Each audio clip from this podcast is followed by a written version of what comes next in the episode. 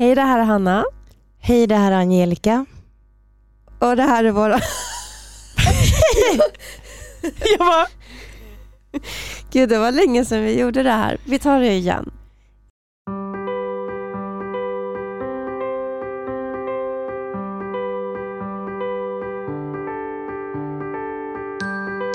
Hej, det här är Hanna. Hej, det här är Angelica. Och det här är våran podd. Som heter Under Livet. säsong 7. Eller 7. Tju!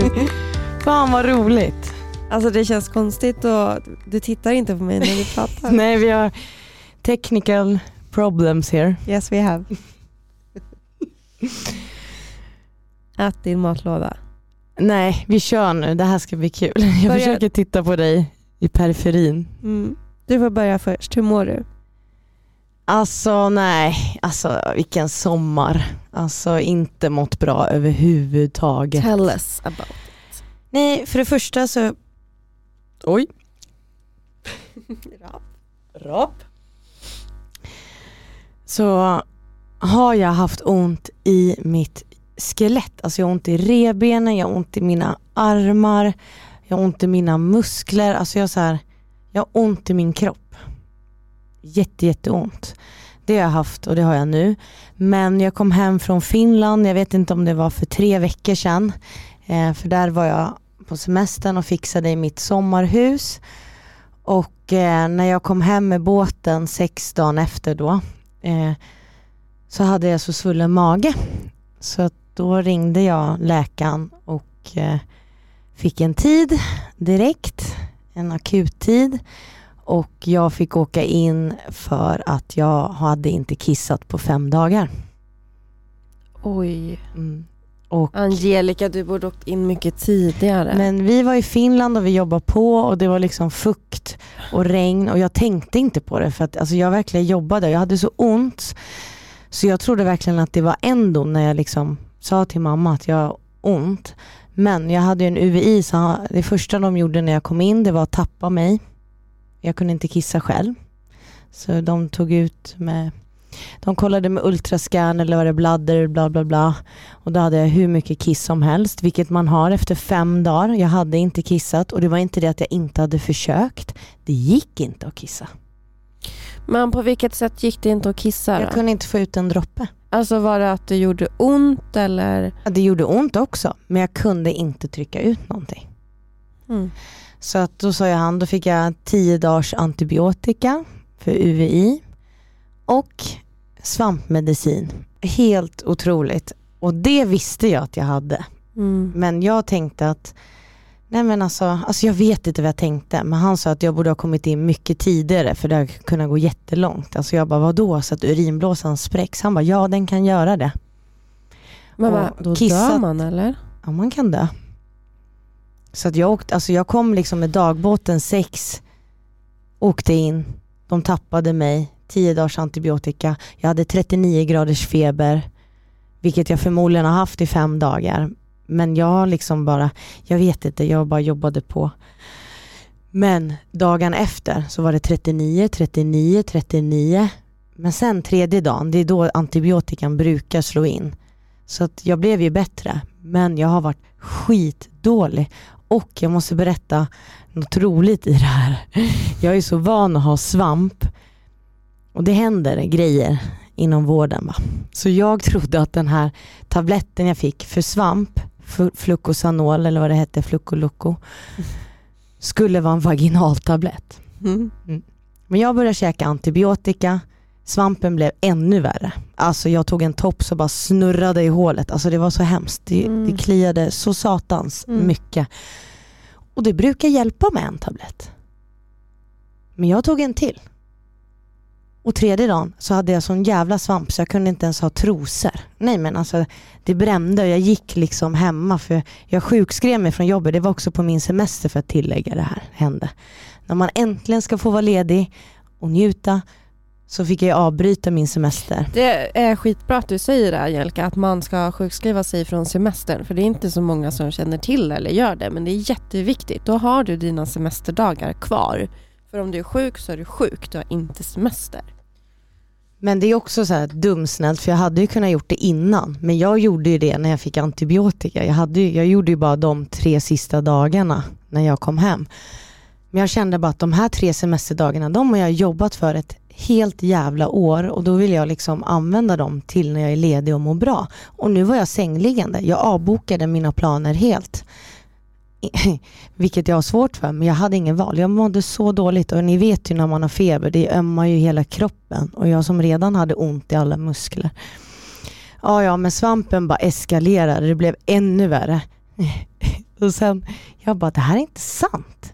Så då började jag läsa på eh, bruksanvisningar eller vad heter det? Innehållsgrejen eller?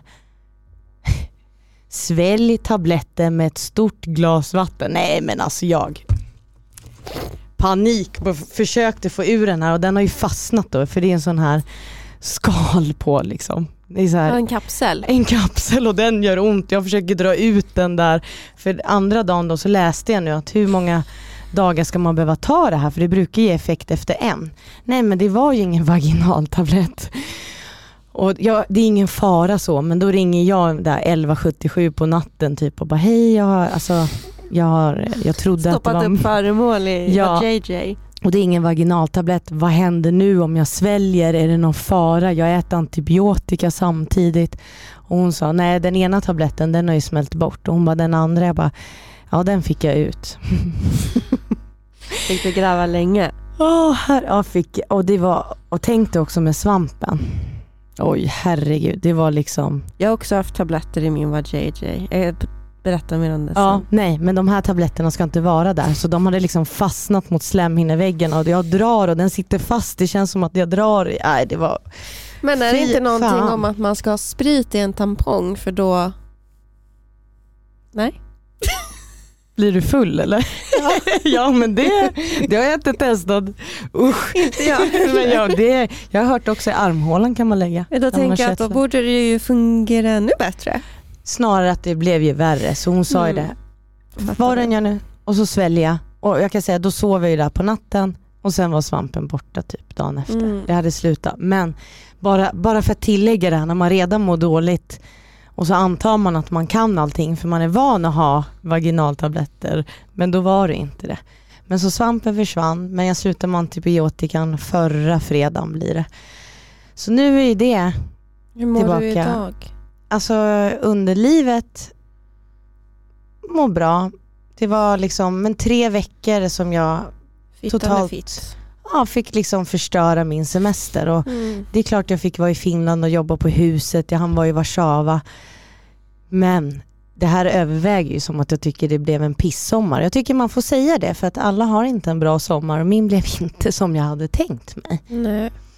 Men nu är ju det eh, liksom underlivet eh, så bra det kan bli förutom endometrios. Men jag har så ont i mina leder, jag har ont i mina muskler. Alltså jag, jag har nackspärr, jag har till och med ont i mina fingrar. Alltså jag känner mig reumatisk. Så nu har jag faktiskt bokat tid till min gynläkare. Det är någonting fel Kan på det mig. vara någonting med enantonet? Jag tänker om det är det. Mm. Att det är någonting, att man kanske behöver göra någon mätning eller kolla någon värden. Eller. Ja, men jag är liksom, jag känner mig, jag som träffar mina patienter som jag frågar, hur är finmotoriken? Alltså jag känner min finmotorik, det gör ont när jag böjer på mina tår. Liksom när jag har tofflor på jobbet så ibland, alltså det gör ont när jag ibland krokar dem för att hålla tofflorna på plats. Det gör ont Mm. när jag rör mina händer, jag har ont i nacken. Alltså jag har ont i alla skelett, alla muskler. Det är jättekonstigt. Kom, kom det här besväret på samma gång? Nej, det, var, det har ju varit hela. Det började i eh, början på sommaren, slutet på juni. Men sen tänkte jag att det liksom blir bättre. Så jag har ju ätit sjukt mycket smärtstillande. Så på Mm. tal om sommar och jag som gillar att vara singel, nej jag har haft vita veckor. Mm. Alltså totalt tre veckor där, två veckor där och det är väl, det handlar inte om alkoholen men det är tråkigt för jag, jag har inte kunnat göra saker på samma sätt. Jag har varit så dålig så jag har varit hemma. Jag har inte ens orkat gå ut och träffa folk för att jag har gått på så tunga smärtstillanden. Mm eh, fett tråkig början. Men nej, jag har haft det jättekämpigt med min kropp. Men jag har tagit tag i det nu. Men UVI var ju helt sjukt. Jag har aldrig varit med om att jag inte ens kan kissa. Och även om det brukar liksom svida eller komma blod så brukar jag kunna kissa. Det var totalstopp. Alltså herregud, jag kan inte ens föreställa mig. Nej. Man vet ju hur ont det gör när man har urinvägsinfektion. Att några droppar gör så ont. Men jag kan inte föreställa mig att inte kunna kissa på fem dagar. Nej, och Krysta, och min mamma sa det, sätt det på toan nu liksom i Finland. Mm. Jag satt en timme, jag försökte läsa. Mamma sa, ta handkräm liksom och smörj händerna. Liksom, tänk på am Nej, jag fick inte ut en droppe, jag försökte. Men sen tänkte jag, men då kommer det väl dagen efter. Men nej, det kom inte. Och sen höll vi på med annat där. Och jag tog väl smärtstillande, det var väl det kanske som räddade mig, men jag kissade ingenting. Men det konstiga var som jag sa till läkaren, att jag bajsade. Mm. Men jag kunde inte kissa, det var totalstopp. Alltså, ingenting. Och jag drack, alltså jag drack så mycket vatten och man ska inte dricka för mycket. Han sa det att det var dumt vad jag hade gjort. Man kan få så här, jag drack ju liksom två liter så här tom cola och fyllde med vatten och bara försökte bli. Det var ju jättedumt. Svettades du mycket? Ja, kallsvettades. Mm. Inte svettad, men det var ju febern tror jag i efterhand. Mm. Men kroppen, bajs, men jag har haft glimtar den här sommaren. Så jag har haft det lilla kul jag haft kommer jag leva på till nästa sommar om det låter tragiskt men så kommer jag göra och så tänker jag ta mig en semester i höst. Ja, det är bra. Men vi måste också tänka att hösten är jättemysig och härlig. Vintern är jättemysig och härlig. Och våren vet vi ju hur vi drömmer om sommaren då. Så det är liksom, vi har mer än sommaren. Det är sant. Och verkligen som Hanna sa, man ska sjukanmäla sig. Så jag är glad för nu är ändå några semesterdagar kvar. Då kan man åka på en weekend när man mm. känner att man mår bättre. Ja. Men kroppen, Ja, pest eller kolera, jag vet inte. Alltså jag eh, kaputt, men eh, psyket, jag är glad, jag är sprallig, jag har annars energi som jag inte vet var det kommer ifrån. Men kanske känner någon igen sig när man mår dåligt i kroppen så överkompenserar man kanske den andra sidan för att verka frisk till exempel på jobbet eller när man träffar mm. vänner. Så att jag är ju den här obalansen att jag är verkligen pepp i huvudet men inte pepp i kroppen. Mm. Ja, nej men det har varit fruktansvärda. Tre veckor i alla fall. Helvete. Hur mår du och hur har du haft det? Ja, jag vet inte riktigt vart jag ska börja. Men jag, kan börja, jag gjorde ju den här äh, koniseringen. Jag opererade bort cellförändringar äh, 4 juli. Och så fick vi ju inte ligga eller bada efteråt. Eller han fick bada. Jag, jag fick inte bada. Vi fick inte ligga. Och det är ju för infektionsrisk. Mm, mm. Exakt. Och så gjorde vi det då. Både, båda sakerna gjorde jag. Hoppsan hejsan. Och eh, tydligen så hade jag ägglossning då. Och tydligen så blev jag gravid. Så jag har varit gravid. Varit. Jag har också haft mitt tredje missfall. Eh, så i vecka fyra så tog jag ett graviditetstest och eh, blev helt chockad när jag såg att jag var gravid. Att det stod gravid på testet för att jag hade aldrig kunnat tänka mig. För innan så har vi ju, alltså jag har ju hållit på med ägglossningstest och Ska man ligga en gång om dagen när man har ägglossning? Ska man ligga tre gånger? Ska man ligga fem dagar innan? Ska man ligga en dag, fem dagar innan? Alltså jävla maskineri. Och så ligger vi bara helt på känsla. Jag har ingen aning om att jag har ägglossning. Vi får inte ligga. Jag får en infektion. Det var värt det. Eh, och så blir jag gravid, jättechockad. Men vi är jätteglada. Och och eh, vecka fem kommer. Vi åker till Gotland och jag får feber och blir förkyld och jag får inte ta några värktabletter. Jag stoppade i mig några Alvedon men det hjälpte inte så jättemycket. Eh, fick inte dricka alkohol, fick inte snusa eh, och jag hade så ont av en matriosen som man kan få när man är gravid, att man får mer ont. Så jag mådde väldigt dåligt och allt på den där resan gick fel. Det började med att jag bokade Gotlandsfärjan åt fel håll tur och retur för 4 000.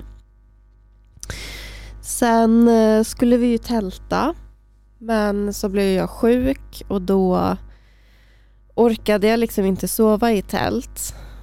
Och sen eh, så skulle vi på en specifik restaurang men så var det liksom en timmes kö. Så alla de här grejerna som jag ville visa Patrik fick jag inte visa för att allt blev liksom fel den veckan. Och vi bestämde oss för att vi åker hem tidigare. Så vi bokade Gotlandsfärjan hem och eh, den morgonen så startade inte bilen. Så allt var så här, alltså allt som kunde gå fel gick fel. Men vi var ju jätteglada över att jag var gravid men jag mådde illa och ja, så. Och så skulle vi träffa min kompis Ines där och de var magsjuka så det kunde vi inte göra. Alltså allt verkligen gick fel. Men så tog vi oss till eh, Holmhällar, heter det, södra Gotland. Det är ett ställe där det finns jättemycket raukar längs liksom en hel kilometer lång, kanske mil, jag vet inte. Det är liksom så långt ögat kan nå raukar. Och det är jättefint och då satt vi där. Eller jag gick väldigt liksom nära vattnet och skulle, jag är en sån här liten apa eller som ett litet småbarn. Jag måste liksom hoppa och skutta och jag, nej jag vill gå över vattnet, det är mycket roligare och så tar Patrik omvägen och någonstans där på den där omvägen så bestämde han sig för att jag ska fria till Hanna här nu. Är det sant? Nej! Han hade ju tydligen haft en ring ett tag. Men han hade väl liksom letat efter ett tillfälle så han bestämde sig där och då att nu friar jag. Och han hade med sig den då? Liksom. Ja, han hade med sig den. Och det var liksom, jag var ju osminkad, jag var sjuk, jag var alltså allt. Och så blir man friad till när man är i sitt sämsta. Alltså det är så jävla fint. Och vi satt där på en rauk och var helt ensamma för det var ju lite dåligt väder också. Och eh, så sa han att även om allting går fel just nu så går ju allt rätt med oss liksom. Så vill du gifta dig med mig? Och jag bara satt och Alltså jag gapa. ryser nu. Alltså det här är sjukt. Patrik, wow. Ja, och jag sa det till Angelica innan vi satte igång att det finns ju ett avsnitt för ett och ett halvt år sedan, ja, snart två år sedan i december då jag sitter och gråter för jag säger hur ska jag hinna träffa en kille, hur ska jag hinna bli kär och bli gravid? Och hur ska jag hinna få det här? Och nu sitter jag här och ska gifta mig nästa sommar. För jag ska gifta mig nästa sommar. Det är så, alltså grattis, grattis, grattis. Och jag ville liksom veta allting nu och Hanna bara nej vänta Angelica vi ska prata om det här i podd och vi ska prata om det här. Jag bara, Haha. Ja det är första gången du hör det här. Uh, nej men jag är... Jättefin ring. den är faktiskt jätte, jättefin och det, bara det att han har liksom gått och valt ut den själv eh, är helt fantastiskt. Den är diskret men den är väldigt, väldigt, väldigt fin. Det kanske inte är så diskret, jag vet inte. Men den är, den är stilren. Stilren, mycket mm. stilren. Jag kan lägga upp en bild på den. Den är jättefin. Uh, och han är ju desto finare. Alltså, den människan, han är verkligen min stora kärlek och där har han ju varit hela mitt liv I guess. Liksom. Men nu hittade vi varandra för att vi behövde väl lära oss saker innan vi hittade varandra. Men åter till graviditeten. För vecka sex kom och eh, men nu är ni på Gotland fortfarande? Nej, vi åkte hem ja. samma dag som vi förlovade oss. Så det var ju inte så glamoröst liksom med någon drinkar och middag med att jag heller inte fick dricka. Men eh, vi åkte hem och så kom vecka sex och jag började spy. De två andra graviditeterna jag haft så har jag ju spytt jätte, jätte, jättemycket. Och det började jag göra nu också. Och eh, jag åkte in och gjorde ett privat ultraljud för att liksom se att allt var okej. Okay. Bara för att jag skulle orka ta mig igenom alla spyor. Liksom. Så det gjorde jag. Ehm, och ehm, såg ett tickande hjärta och allt såg jättebra ut. Och det kändes annorlunda den här gången. Just för att det hände när vi inte anade det. Tredje gången gilt. Alltså det är en procent som får flera missfall. Alltså tre och flera missfall. Jag kan inte vara den procenten. Alltså det här, det kändes annorlunda. Så vi började prata om namn, vi började prata om barnvagn. Eh, vi måste renovera badrummet. Alltså vi måste kanske köpa bil. Vad ska vi göra? Och började planera för allting. Så kom vecka sju och så kom vecka åtta och så kom vecka nio. Och jag har ju sett höggravid ut. Alltså gravidmagen kom ju inte förrän vecka 14 typ. Men man blir så svullen. Jag ska visa dig en bild. Alltså, vi var på bröllop och då var det faktiskt en som frågade Patrik om jag var gravid. För att jag, alltså jag ser ju gravid ut och eh, jag drack ju ingen alkohol. Kolla på min mage, alltså det är en kula. Det är en kula och jag mm. tittar på den nu. Mm. Jag hade, hade jag sett dig så här så hade jag ju frågat. Mm. Jag förstår det. Alltså jag ser gravid För ut. Man ser liksom magen och så benen ner. Så det är en mm. tydlig bild. Mm. Det var fint på något sätt att jag såg gravid ut. Alltså jag var stolt över det. Så. Och så kom vecka nio och så bara kände jag igen att jag behöver göra till ultraljud. Jag hade fått en känsla av att någonting inte riktigt stämmer. så. Och jag åt eh, maxdos Brimperan, maxdos Lergigan, maxdos Sanvia heter det. Det är en tablett som det till och med är en kvinna med en gravidmage på, på själva tabletten. Den är för gravid illamående. Så jag åt maxdos alla de tre. Eh, mådde så illa.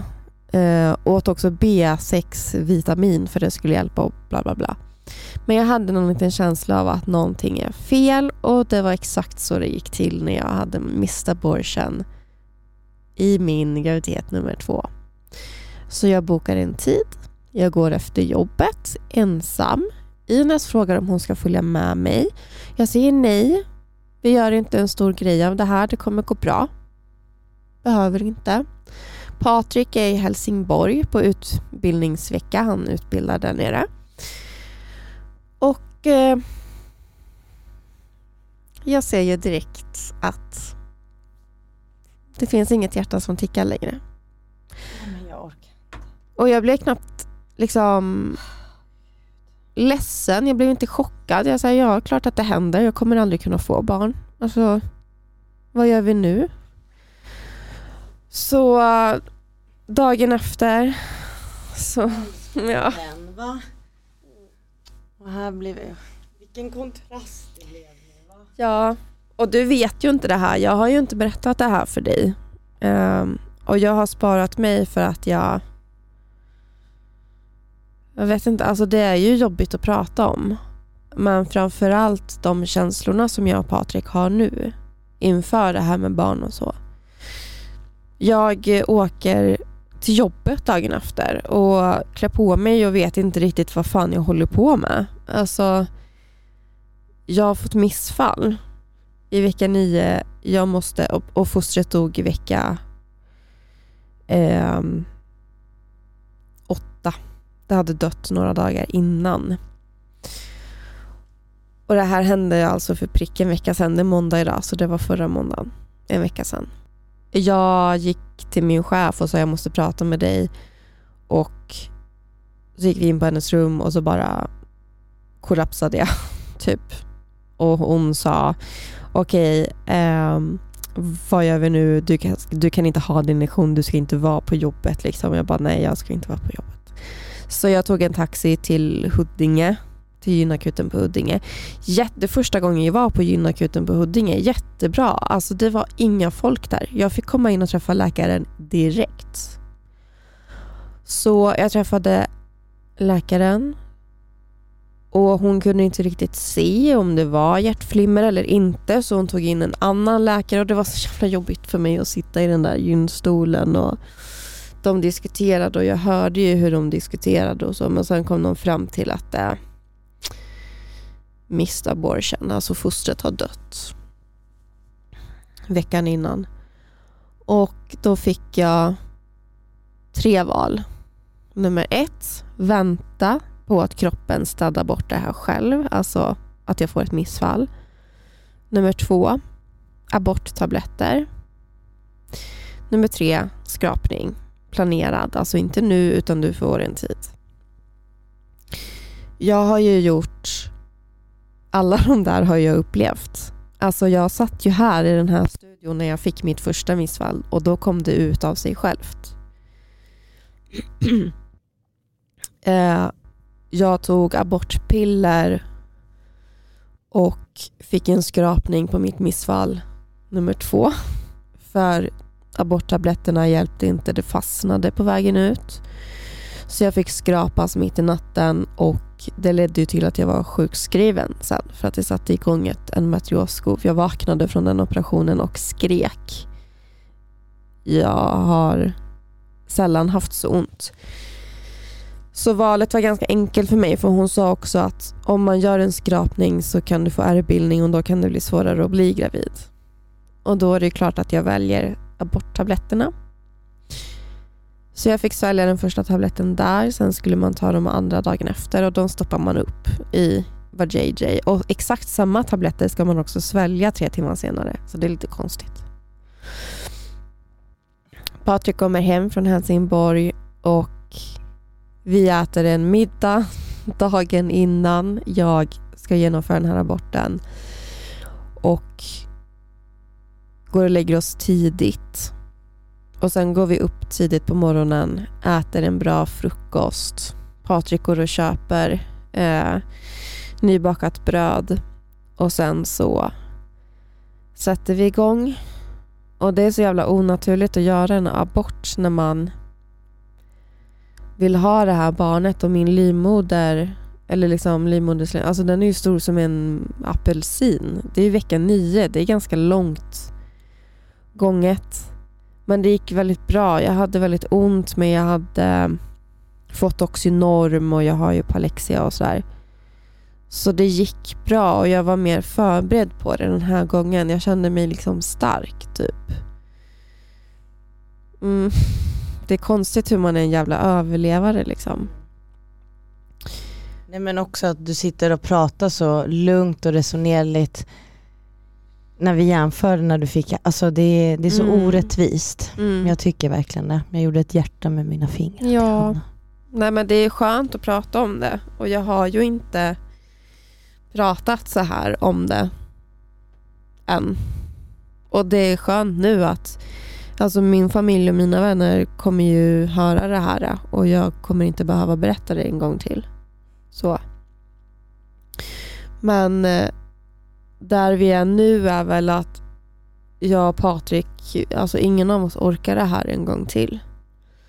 Jag orkar inte vara gravid igen eh, just nu ska jag tillägga. Alltså vi ska ju försöka längre fram men inte det här året för att Alltså det är ju någonting som är fel. Alltså det, det kan ju inte bara vara otur längre. Nu kommer jag få göra en, en missfallsutredning. Och den kanske bara visar att det är för att jag har endometrios. Men det kan ju vara något annat också.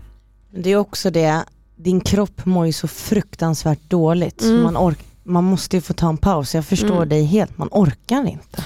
Nej, alltså jag vet inte hur jag ska komma tillbaka riktigt.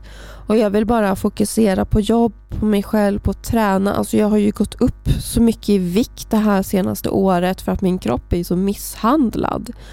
Alla hormoner fram och tillbaka. Gravid, missfall, gravid, missfall, gravid, missfall på ett år. Samtidigt som jag har haft ett endometrios skov. och varit sjukskriven och sängliggande. Så jag har verkligen förlorat mig själv. Och det är farligt. Så nu, nu ska vi ta en paus. Vi, jag får gå på någon behandling. Det kan också vara att jag har så mycket inflammationer i livmodern att liksom, det går inte att, att för liv att växa där. Men sen måste jag också tillägga en grej när jag träffade dig. Jag hörde ju att du var förkyld här. Mm. Det är också en sätt, alltså det är inte någonting i jämförelse mot det. Men kroppen är i så dåligt skick Mm. så man blir känslig mot alla infektioner. Så bara tillägga det att du sitter här nu Mm. liksom och är förkyld. Ja, för ditt immunförsvar är helt kaputt. Ja, alltså det märks ju verkligen. Eh, och eh, när jag fick ju feber och var förkyld på missfalls, alltså samma dag som jag gjorde abort och det var också helt fruktansvärt för kroppen. Nej, ehm, så vi ska ta en paus och nu ska vi fokusera på bröllopet. För vi hade ju inte kunnat gifta, eller ja, det kan vi väl, men jag vill inte vara nykter när jag gifter mig. Jag vill inte vara gravid. Så nu är planen att vi ska rå om varandra i ett år. För om det här händer igen dessutom, alltså vi, vi är så ledsna för det här. Liksom. Det är hopp och förtvivlan, hopp och förtvivlan, hopp och förtvivlan.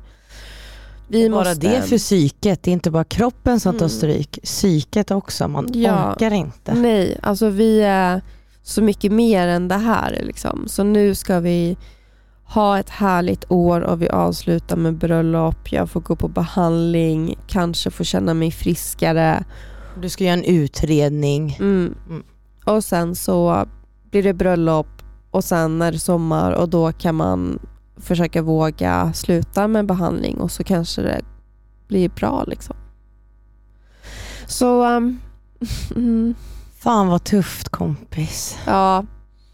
Och hur jag mår idag då? Jag blöder fortfarande. Jag har ont. Jag eh, spyr. Alltså jag spydde senast i morse och jag vet inte om det är gravidhormonerna eller om det är för att kroppen är så trött. Liksom. Det kan ju vara vilket som. Det spelar väl egentligen inte så stor roll. Ehm, men ja, där är jag idag.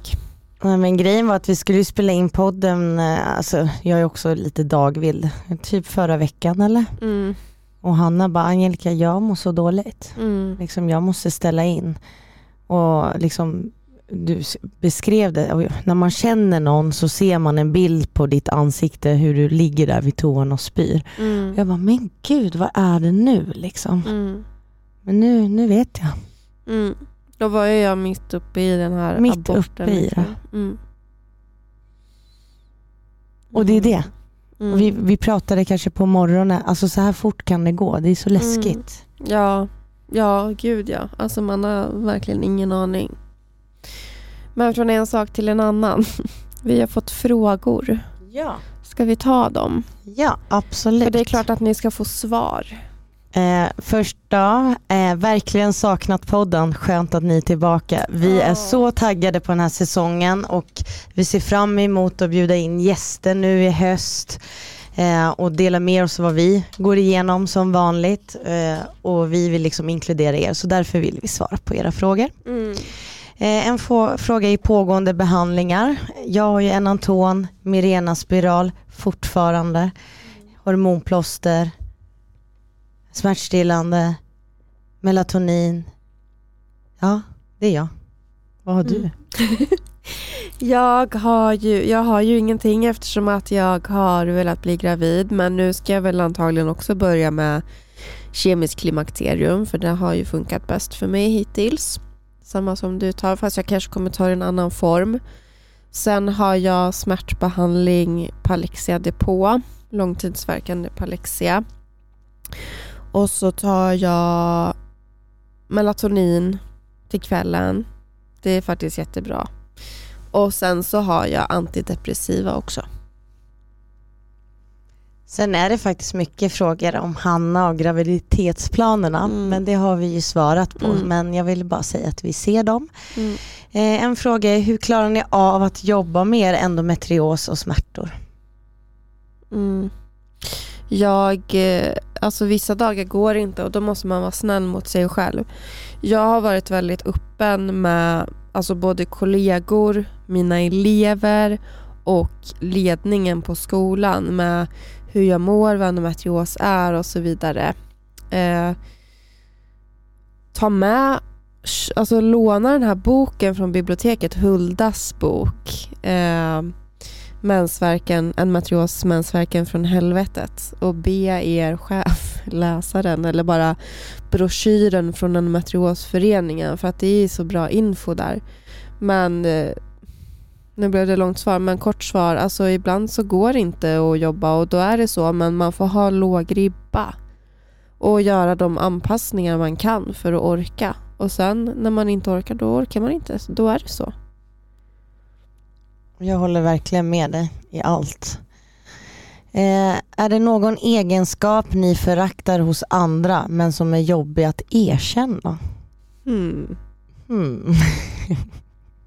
Ja det är jobbigt att erkänna. Nej jag skojar. Ja, nej, men jag kan säga, alltså egenskap och egenskap, men jag tycker att det är jättejobbigt med personer som är, och låt mig svara på frågan helt och färdigt först innan ni dömer mig.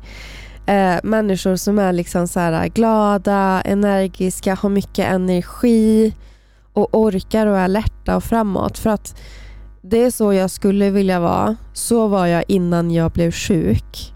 Men jag orkar inte vara så nu. Och därför tycker jag att det är lite jobbigt att se andra människor så för att jag blir, jag blir, av, jag blir avis. Nu är det någon som undrar om ni hörde. Det är något som låter i studion. Ja, så det är mitt svar. Vad är ditt svar då, Angelica? Jäkligt svårt för jag håller med dig men jag hatar, nej men gud nu kommer jag igång riktigt. Nej kör. Det här nej, är ju men kul. Det är så här, och jag kan vara som själv. Alltså jag, vi har poddat länge, jag har säkert haft ett avsnitt men det här är vad jag känner nu. Mm. Man ska aldrig jämföra en smärta eller vad man går igenom. Alltså man vet aldrig. Jag har jättesvårt för när jag kanske då äntligen har öppnat upp mig om det är till en kollega eller vän eller vad som helst.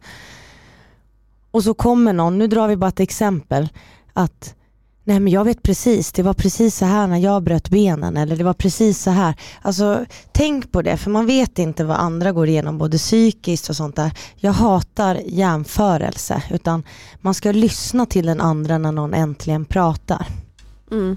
Punkt, så är det bara. Bra.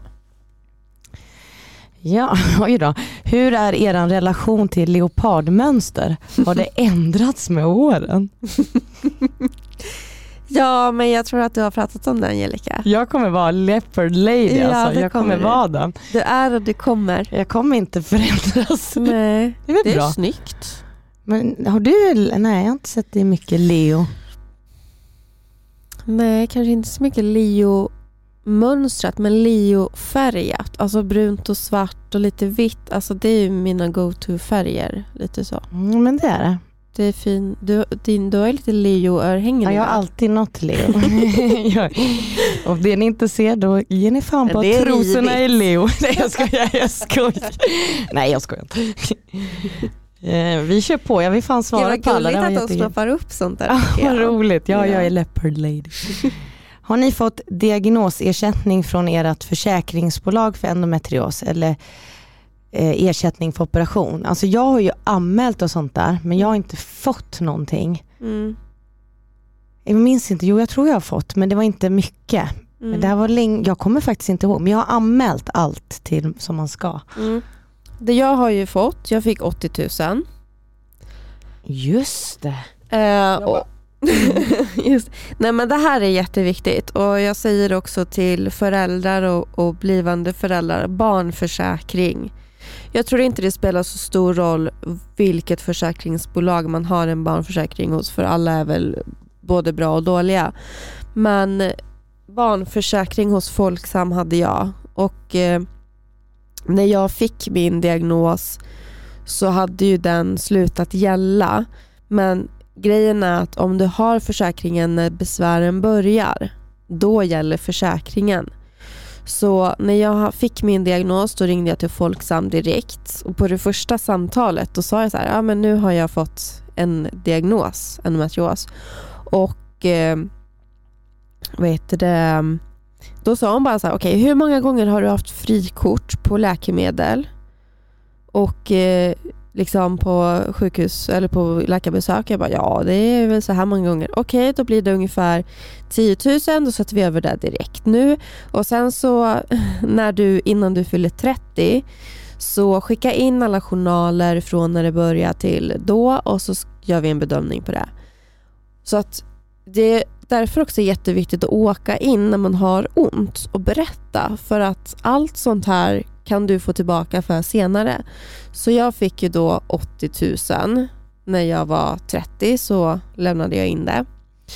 Eh, och det gick faktiskt väldigt fort. Det tog bara några månader. Sen fick jag också för migrän. Jag har fått för akneärr. 40 000.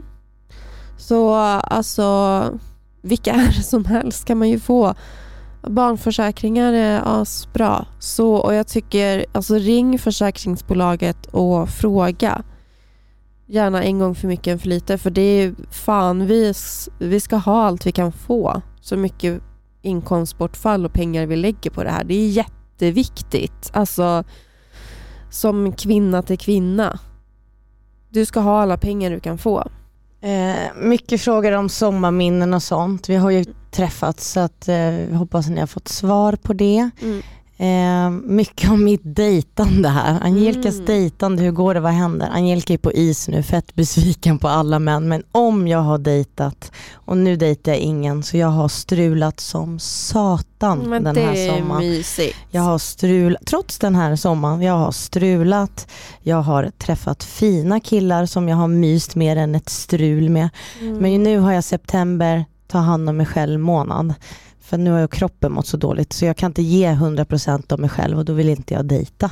Nej. Men det, jag, har, jag har mycket nummer jag svarar på och låtsas veta vem det är. Ja. oj, oj, det är mycket nu.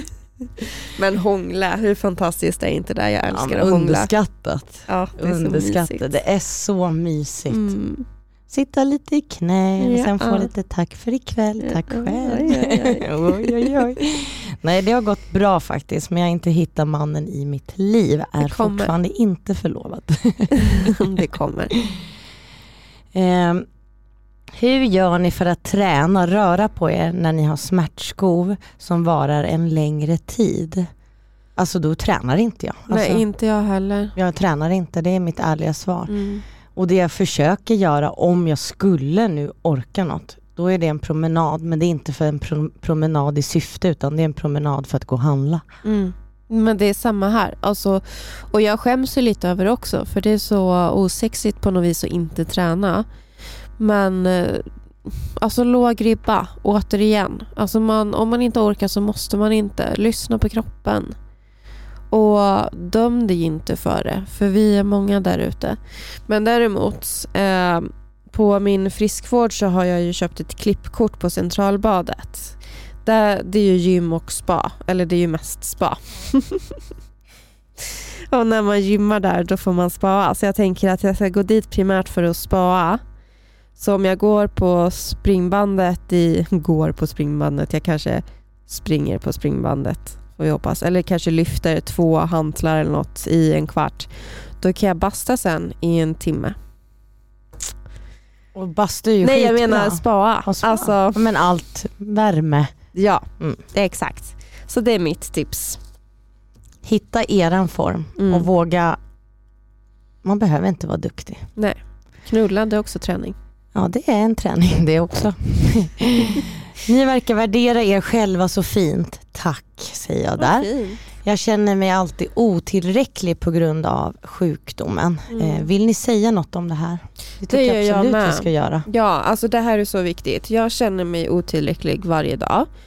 Även om min libba, libba är låg. libba låg? Även om min ribba är låg. Så som det här jag sa förut, man jämför sig. Vad skrattar du åt nu då? Jag sa väl inget fel? Ikväll. ja. Och jag ska jobba när jag kommer för jag har lektion imorgon bitti. Fortsätt, annars drar du igång. Ja. Eh, nej, min libba är låg. alltså det här är inte ens kul. Nej, tyst Angelica. min ribba är låg. Och jag känner mig alltid otillräcklig. Nej, vi ska inte skratta bort det här nu. Nej. Fan oss. Nej. Fan. Jag svär. Så. Nej men eh, jag känner mig faktiskt jätteotillräcklig i min relation, i, min kompis, i mina kompisrelationer, i min familjerelationer, på jobbet. Alltså jag känner mig alltid otillräcklig även om jag faktiskt accepterar att så är det. För jag accepterar det samtidigt att så här, jag orkar inte mer, det är okej, mina vänner är världens bästa. Jag behöver inte träffa dem en gång i veckan för att de ska vara världens bästa vänner och de vet att jag älskar dem och allt det här. Eh, på jobbet, jag gör det jag ska, jag vet att jag gör mer än vad jag ska.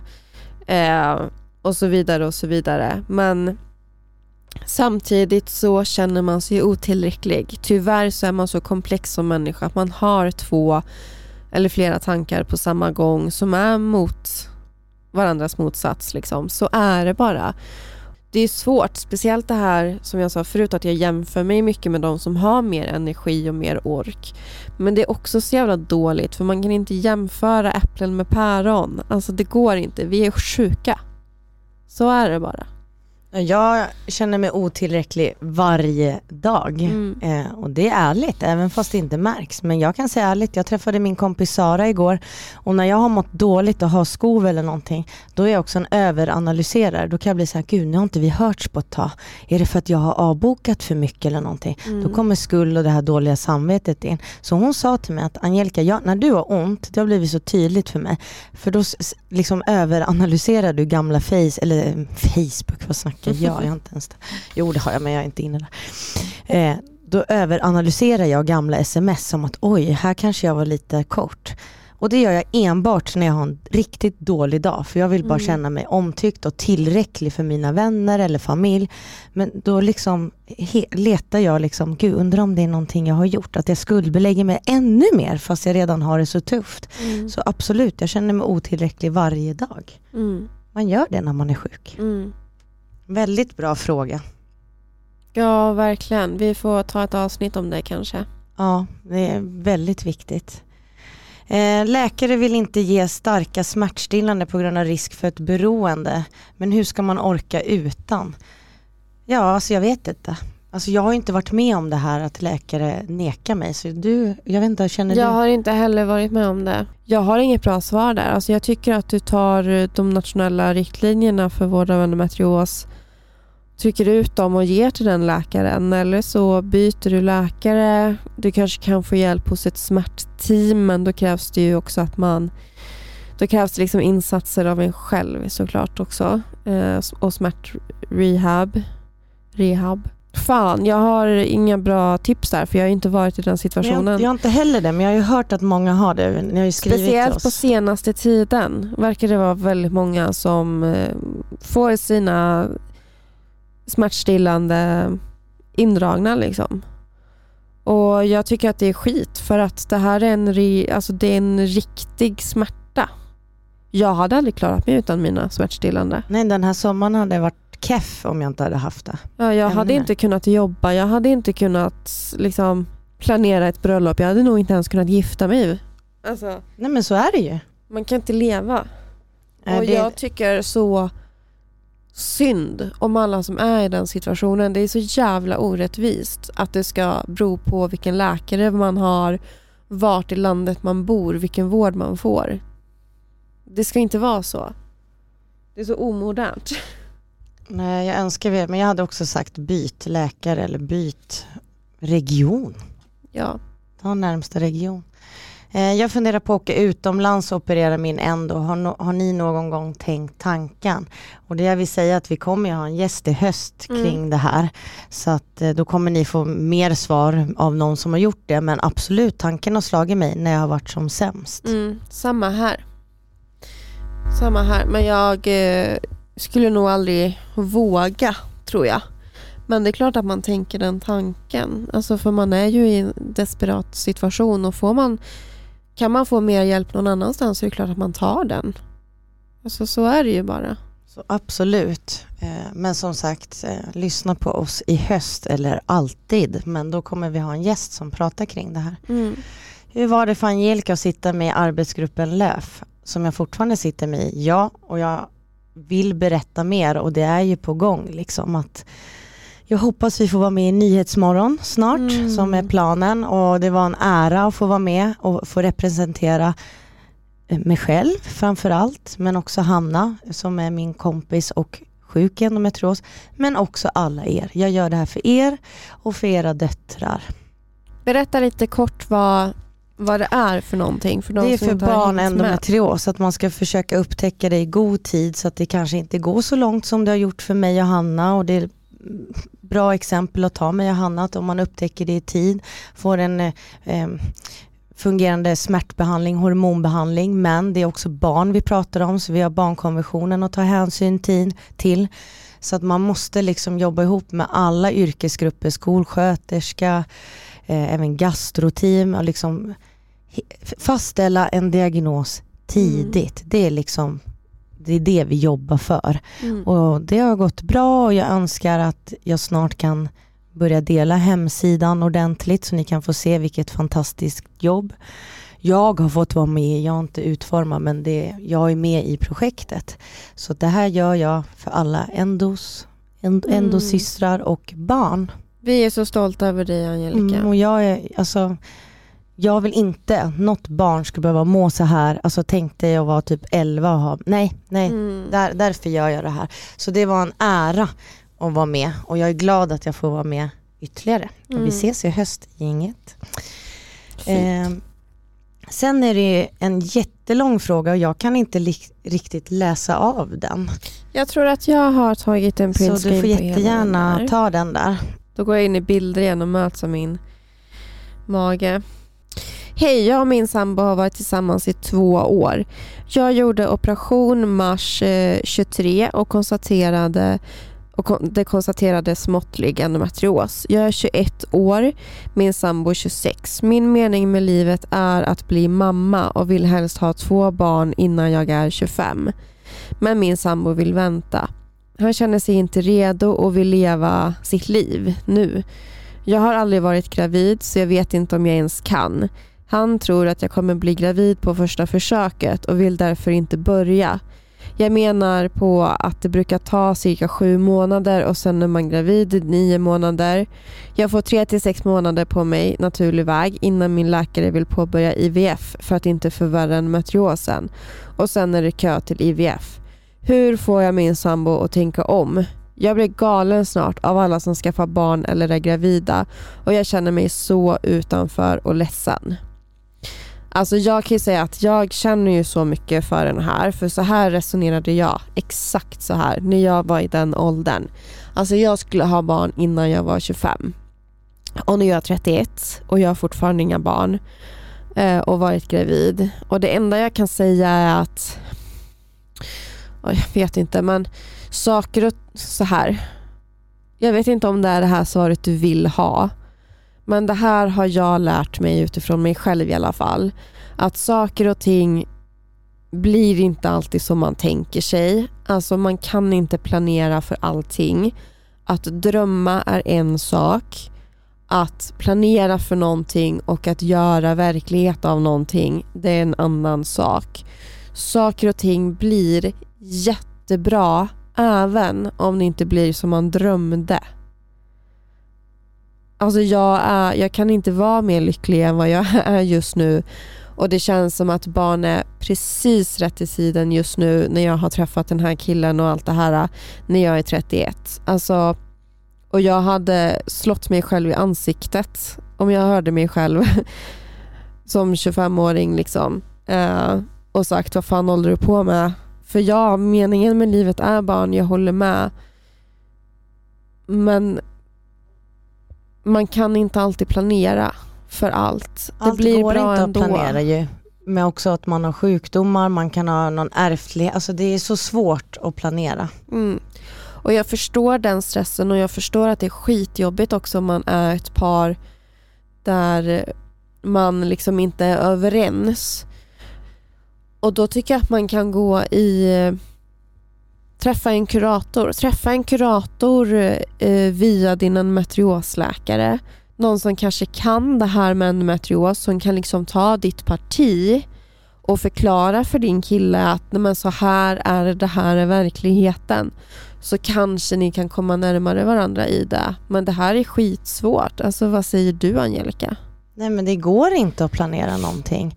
Eh, det jag, när man har en plan som man har, vissa har en skolåda under sängen sen man var barn med bröllopsklänningen man har klippt ut eller, nej men alltså det, man har en dröm. Men det som hjälpte mig var att börja skriva måldagbok för mig själv, inte för inte för min partners skull som jag heller, jag har gjort det i många år, men för att jag kände mig lyckad om jag uppnådde viss, vissa andra mål i livet som jag kunde uppnå. Och då bockar man av och då känns det bra. Eh, men kommer jag inte få barn och den ligger där som en punkt, ja, men då måste jag se helheten av mitt liv, hur mycket annat jag har gjort och varför jag kanske är i det stadiet. Mm. Alltså, jag, nej, jag, har, alltså, jag har inget bra svar. Jag tycker verkligen att det går inte att planera. Jag tycker, det, jag, jag tycker det är fint att man vill drömma av det men ibland stoppar kroppen framför allt. Mm. Och det är mm. okej? Okay. Och det är, precis, det var det jag ville säga med min måldagbok här. Att man ser helheten, det är okej. Okay. Mm. Sen, eh, alltså jag blev ju superduper super, duper stressad när jag började närma mig 30 och då gav jag mitt ex en, ett ultimatum. När jag, om jag fyller 30 och du fortfarande inte vill ha barn, då kommer jag lämna dig så att du vet det. Det är också en strategi. Så kan man också göra. Det kan man också göra. Nej, men det, finns, det finns massa vägar att gå i livet. Så. Men det är tufft. Man fa ja, fattar. det är piss. Det är piss. Men det blir bra. Det blir bra. Mm. Och jag tror att vi hade svarat på alla frågor. Har vi det? Mm. Men jag Ska hade velat lägga till en grej. Ja som jag kommer följa upp i nästa avsnitt. Jag har ju tagit min andra HPV-spruta nu på tal om pengar. Helvete, 2 och 2 lägger jag per spruta. Mm. Eh, och just där vi pratar om jävla sjukdomen, att det kostar så mycket pengar. Och det här får jag inga bidrag till alls. Nej. Så nu har jag tagit min andra och nu ska jag ta nästa om fyra månader som jag blev då efter cellförändringen att min läkare rekommenderade mig. Så det glömde jag säga i början men jag vill bara lägga till det. Jag kommer nog följa upp det mer men jag kom på det nu. Just det här med att vara sjuk och att vi lägger ut mycket pengar. Men hörru vilken lyx att du ens kan ta de där HPV-sprutorna för du har ju dragits med höggradiga cellförändringar så jävla länge nu. Så det är ju värt det. Men jag måste berätta den där. De kostar ju 2 och 2. Mm. Mm. Eh, och första gången jag tog, alltså jag är inte, det är inte så att det är kul att ta sprutor men jag är van. Och när hon tog den, då min arm bara dog så här. Aj. Den bara dog, alltså verkligen så här. Jag, jag gick så här hur länge som helst. Och då sa hon, sköterskan, ja men betalar man två och två då ska det ju kännas. och du vet andra gången jag bara, nej, hon bara, hon bara, jag vet inte men ta Jag bara, din kollega sa exakt samma. Hon bara, ja men det ska ju kännas värt det och det är ju det för dig. Och det är ju jättenice om det hjälper mig någonting nu att när jag gör ett normalt cellprov att det inte visar på något. Så det är ju mm. värt varenda krona men 6 och 6 totalt, det är mycket pengar. När ska du göra ditt nästa cellprov? Det vet jag inte. Nej. Nej, det, det, jag, jag, det har jag ingen aning om utan nu har jag den här om fyra månader igen. Mm. Så jag tänker att det kommer nog bli efter det, kanske i början på 2024. Alltså så kul att när dina försvann då fick jag istället. Jag säger det, vi kompletterar varandra Ja, det, vi gör det verkligen. Vi körde lite live här också. Ja, vad kul. Nu får du ta över den. Jag, jag tar gud, över. Jag blev lite blyg kände jag. Men ja. ja, vi har svarat på alla frågor. Jag har äntligen fått kontakt med Hanna. Hon är faktiskt rätt svår att få kontakt med ibland. Eh, inte ge henne dåligt samvete, men man bryr sig. Jag har låg libba. jag har väl ingen låg libba. Jag har väldigt hög libba när det gäller det här samarbetet och vänskapen. Så tur, då fick vi svar på hur hon ser på det här. Nej, men jag har verkligen varit eh, orolig och jag förstår att jag har liksom hintat för henne också hur jag har mått. Men det är skönt att vara tillbaka mm. och jag vill säga det, vi är skittaggade. Mm. Även om vi har haft det lite pissigt lite. Varför säger man alltid, man ska alltid förminska. Vi har, vi har haft det pissigt. Men vi ser fram emot en jättefin höst. Ja, alltså vi har så många roliga och spännande gäster planerade så ni anar inte. Ni kommer få höra mindre av oss men mer av gäster och jag tror att ni gillar det. Här. Så vi ses. Vi Tack för ses. idag. Tack.